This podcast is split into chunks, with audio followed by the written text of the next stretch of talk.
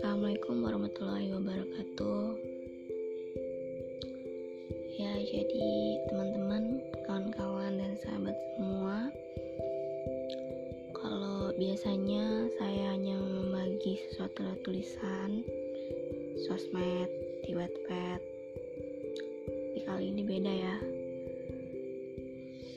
Lagi mencoba untuk speak out, keluar dari zona nyaman. Ya, coba-coba belajar jadi speaker. Isi dari podcast-podcast ini dan selanjutnya mungkin bisa dibilang cuma berisi unek-unek keluhan pribadi, diary, depresi,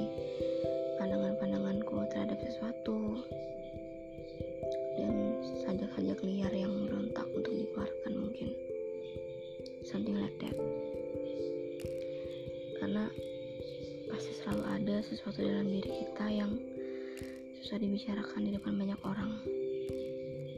Dan terkadang hal itu lebih enak dibagi di depan cermin atau di hadapan dinding.